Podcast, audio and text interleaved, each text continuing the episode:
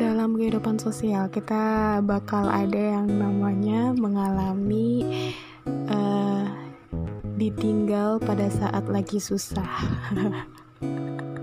Kami nggak tahu nama singkatnya apa, tapi ini adalah ketidaksetiaan seorang teman yang mana pada saat kita susah itu kita ditinggalkan bukan ditinggalkan. Ada juga yang lebih setengah meninggalkan yaitu dengan uh, gue nggak bisa bantu loh gitu loh.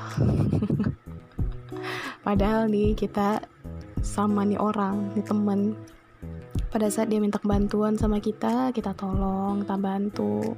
Pada saat dia ingin cerita kita dengarkan. Pada saat dia butuh teman kita temani gitu kan dan pada saat kita ingin bercerita, dia bakalan bilang, eh bentar deh, aku tuh ada urusan. Bentar aku tuh lagi sibuk, bentar aku juga ada hal yang pikirkan. Eh dunia aku tuh bukan kamu aja atau temen aku tuh bukan kamu doang. Yang mana aku harus juga butuh teman yang lain dong. Kamu nggak boleh posesif gitu jadi teman. Aku kan juga punya teman lain gitu. Nah ini Ami menyebutnya adalah ketidaksetiaan seorang teman. Yang nyebelinnya ya. Pernah nggak sih ngalamin gini? Kita lagi cerita panjang banget cerita tentang masalah gitu ya. Kita cerita panjang terus dia dengerin kadang dia dengarkan sambil megang HP atau lihat-lihat jam atau uh, dengarkan sambil makan atau apa gitu ya. Tapi kita waktu pada saat masalah itu kan kita bodo amat ya. Bodo amat nih yang penting gue cerita gitu. Nah pada saat cerita entar sepanjang lebar nih kita cerita mungkin bisa dibuat skripsi tuh cerita. Dia hanya menjawab oke okay, yang sabar ya. Aduh. Ya ampun ini kami sering banget ngalamin ini dulu. Itulah alasannya kenapa Ami itu jarang yang namanya punya teman yang uh, stay lama gitu. Bukannya nggak mau mempertahankan sebuah persahabatan cuman secara pengalaman dan selama menjalin hubungan pertemanan baik sama laki-laki maupun sama perempuan itu sering terjadi. Jadi mi kayak udah terbiasa aja dengan keadaan seperti itu. Terbiasa untuk bukan terbiasa mengurus semuanya sendiri ya mi juga butuh orang lain. Cuman terbiasa untuk tidak memiliki teman dekat gitu loh. Awalnya mi kayak ngerasa kesel banget karena mungkin ya sekitar beberapa tahun yang lalu Ami adalah anak yang dengan seribu satu masalah. Ya wajar ya. Namanya juga pencarian jati diri bung. Masalah tuh banyak banget. Bukan banyak masalah tapi setiap masalah kecil itu dijadiin besar gitu loh. Jadi gitulah. Cari jati diri itu memang suatu uh, fase hidup yang lumayan meribetkan dan sangat riuh banget ya. Di situlah banyak kita bertemu dengan manusia dan teman. Panjang cerita panjang gitu. Cuman dibales yang sabar ya aku tahu kamu kuat aku tahu kamu bisa gitu.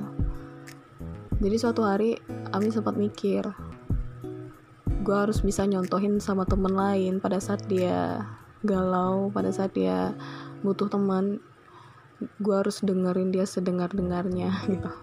Gue buka telinga gue terus kalau misalnya ada solusi ya dikasih solusi terus ditemani gitu. Dan Ami memperlakukan beberapa orang dalam kehidupan Ami sebelumnya seperti itu. Dan mereka nyaman temenan sama Ami endingnya. Ya dan mereka pun juga pada saat kami cerita pun juga feedbacknya sama walaupun tidak memberikan solusi setidaknya mereka memberikan yang namanya rasa ditemani gitu loh ada kehadiran mereka itu ada tapi karena karakter Ami ini orang yang gak terlalu suka dengan keramaian, bising, dan juga gak suka hal yang pokoknya lagi ngetren atau apa gitu ya. Pokoknya yang ramai-ramai itu Ami kurang suka. Jadi ya namanya kita karakter manusia beda-beda, ada yang lebih suka keramaian, ada yang lebih suka bising. Karena Ami enggak, jadi lama-lama menjauh sendiri. Dan pada suatu hari ada seseorang yang datang cerita sama Ami. Dan dia cerita pada saat waktu yang gak tepat banget. Sangat sangat tidak tepat waktu itu dia bercerita. Cuman karena Ami waktu itu nggak tahu kenapa berpikiran udah deh dengerin aja gitu dan nggak tahu kenapa pada saat dia ending cerita kata-kata itu terlontar guys. Ya udah sabar aja ya. Kamu kuat kok. Itu kata-kata kayak gitu terlontar di bibir ini. Dan pada saat kata-kata itu terlontar Ami kayak mikir wah ternyata enak banget ya ngomong gitu. Ya. Ya enak banget ya ngomong kayak gitu ya orang cerita panjang lebar terus Ami cuma ngomong kayak gitu ya ya udah kamu kuat kok yang sabar ya. Enak banget loh ngomong kayak gitu. Dan masalah selesai gitu. Aduh di situ Mi kayak mikir wah ternyata ini yang dikerjain sama teman-teman gue dulu. Ngomong kayak gini tuh simple gitu. Simple dan menyelesaikan masalah dia gitu. Sama aja kalau yang Ami alami pribadi ya ngomong ya udah sabar aja kamu kuat kok. Ya hidup ini tergantung kamu. Kamu yang nentuin. Ngomong kayak gitu tuh sebenarnya kalau Ami yang pribadi itu kayak penolakan gitu loh. Penolakan penolakan ya penolakan penolakan agar tidak menambah beban hidup gue gitu. Karena gue lagi banyak masalah hidup juga. Ada yang sedang dipikirkan ada yang sedang diurus terus tiba-tiba lu cerita gue nggak tahu mau jawab apa gue nggak bisa bantu apa-apa karena nggak ada waktu untuk ngebantu karena lagi ada yang diurusin gitu ya. Akhirnya kalimat itu terlontar. Yang mana secara yang relate-nya dari yang beneran nyatanya itu sebenarnya pengen ngomong ini. Gue juga punya masalah bro. Gue juga punya pikiran. Jadi gue nggak bisa bantu masalah lu gitu. Makanya lu sabar aja. Lu kuat kok. Sebenarnya itu yang ada di dalam di dalam hati dan pikiran yang disampaikan. Cuman karena nggak tega ya ngomongnya ya udah sabar aja kamu kuat kok gitu. Dulu Ami paling benci banget ini kalimat-kalimat ini tapi pada saat itu kejadian sama diri kami sendiri Ami ngerti ternyata kayak gini rasanya. Dan kalimat itu bisa terlontarkan gitu. Jadi buat kamu ya buat lu lah buat kawan-kawan gitu ya lagi dengerin ketika lu cerita terus temen lu jawabnya kayak gitu lu harus punya mindset sendiri. Berarti dia juga punya ada masalah dan lagi ada masalah dalam hidupnya. Dia mau dengerin cerita lo aja itu sebenarnya lo udah harus bersyukur gitu. Dia mau ngeluangin waktunya buat lu dengerin cerita lu uh, nemenin lu ya lo harusnya bersyukur. Karena dia udah ngasih waktunya buat lu cerita dengerin cerita hidup lo yang mana juga dia pribadi juga udah punya masalah juga punya pikiran lain urusan lain. Dan dia nggak ceritain itu ke lu dia nanggung itu sendiri dia nahan itu sendiri dan dia nyelesain masalah itu sendiri. Besok besok kalau ketemu orang kayak gitu berbicara seperti itu lu nggak boleh marah lagi ya. Begitupun Ami. Ami juga nggak pengen buat marah lagi untuk kayak ini. Bukan mereka nya nggak setia. Setiap manusia itu punya urusan masing-masing.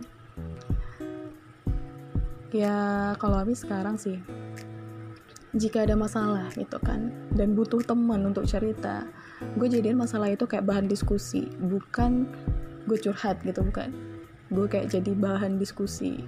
Eh gue ada masalah kayak gini nih kayak gini kayak gini kayak gini. Gue bukan ngerasain mencer eh bukan rasain ya apa namanya kayak gue bukan menceritakan sensasi dari masalah tersebut bukan cuman lebih ke menceritakan masalah gue dan kalau misalnya si doi atau si temen gue ini ngasih saran ya gue terima. Kalau misalnya dia bilang kayak gitu ya udah gue nggak apa-apa gitu kan. Karena gue udah ngerti juga mungkin dia juga ada masalah lain. Dan kalau misalnya jadi bahan diskusi itu lebih ringan aja lebih receh dan remeh masalah itu. Apalagi bahas masalah tersebut dengan ngopi-ngopi atau bahasnya dengan cara nyantai duduk di sebuah tempat yang luas. Kayak ngeluarin unek-unek aja terus didiskusikan terus dijadiin bahan lelucon ya udah gitu. Setengah dari sensasi masalah lu tuh bakalan hilang. Bukan berarti ada solusi enggak. Tapi setengah dari sensasi masalah lu itu bakalan hilang. Gunanya teman hanya bisa menemani doang. Ya namanya juga teman ya kan? Teman teman. Ya cuman menemani doang. Beda lagi kalau misalnya udah teman hidup. Udah pakai hidup nih embel-embel di belakang. Baru ada problem yang sama harus cari solusi bersama gitu kan ya. Tapi kalau hanya sebatas teman sosial ya harus harus ngerti apalagi kita makin lama makin dewasa makin besar makin banyak tanggung jawab. Dan itu membuat kita mempunyai urusan masing-masing. Kita nggak bisa memaksakan orang lain untuk harus membantu kita atau harus menemani kita harus memberikan solusi pada kita walaupun kita udah jor-joran abis-abisan sama dia. Ya kalau misalnya lu udah pernah jor-joran sama orang lain yang lu anggap dia kayak sahabat lo banget soulmate lu itulah ya tapi dia tidak melakukan yang hal yang sama. Nggak ada feedback apa-apa ke lu. Terus lu kayak kecewa ya udah. Anggap aja itu kayak ya sedekah gitu. Sakit sih tapi anggap aja kayak sedekah. Lu ikhlasin aja. Percaya deh Tuhan pasti ada ngasih kebahagiaan dengan cara lain gak harus lewat temen lu dan ha gak harus dari perhatian temen lu. Lu bisa menemukan perhatian di tempat lain dan harusnya yang lu cari perhatian yang lebih dalam itu adalah perhatian dari Tuhan. Dari kisah ini yang mana pada saat gue cerita panjang lebar tuh cuman dibahas dibahas lagi dibales maksudnya uh, dengan kata-kata yang sabar ya lo kuat kok.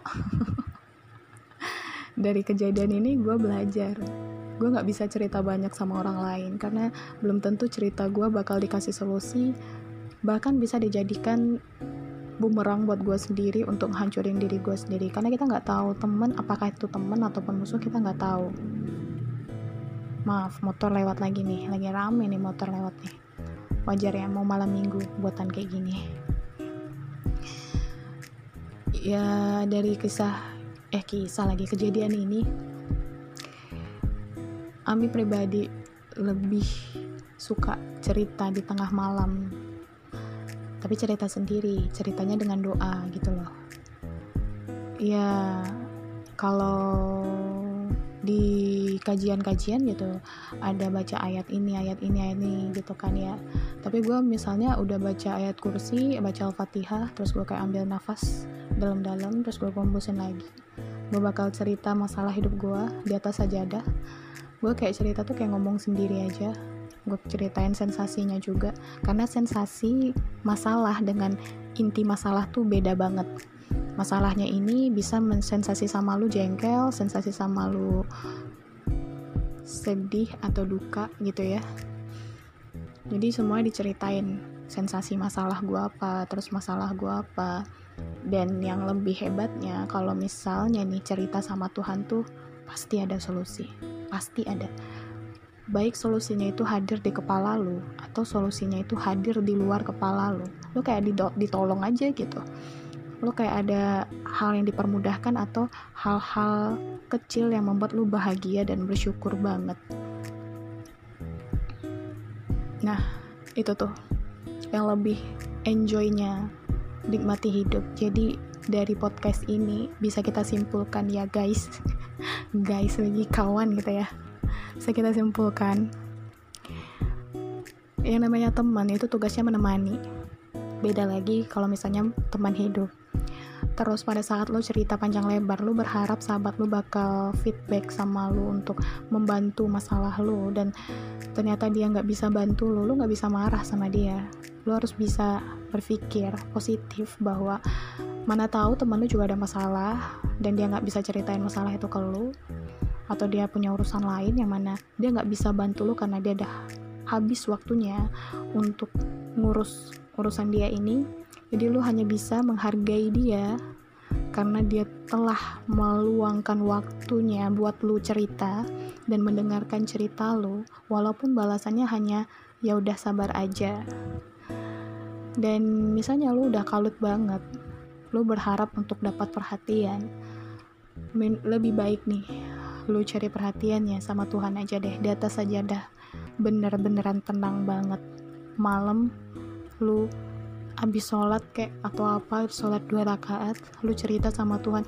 Lu nggak harus pakai ayat-ayat atau nggak harus pakai bahasa Arab pakai bahasa lu sendiri aja. Lu anggap Tuhan tuh deket banget sama lu kayak hadir di depan lu terus lu cerita lu cerita panjang lebar dan insya Allah bakalan ada solusi tapi jangan dipaksain lu kayak ngalir aja gitu percaya deh hidup lo bakalan enjoy banget dan lo jadi manusia yang bersyukur dan lebih mengerti orang lain. Sekian podcast kali ini dan tunggu podcast kami selanjutnya. Terima kasih telah mendengarkan dan semoga kita bisa lebih mengerti orang lain. Wassalamualaikum warahmatullahi wabarakatuh.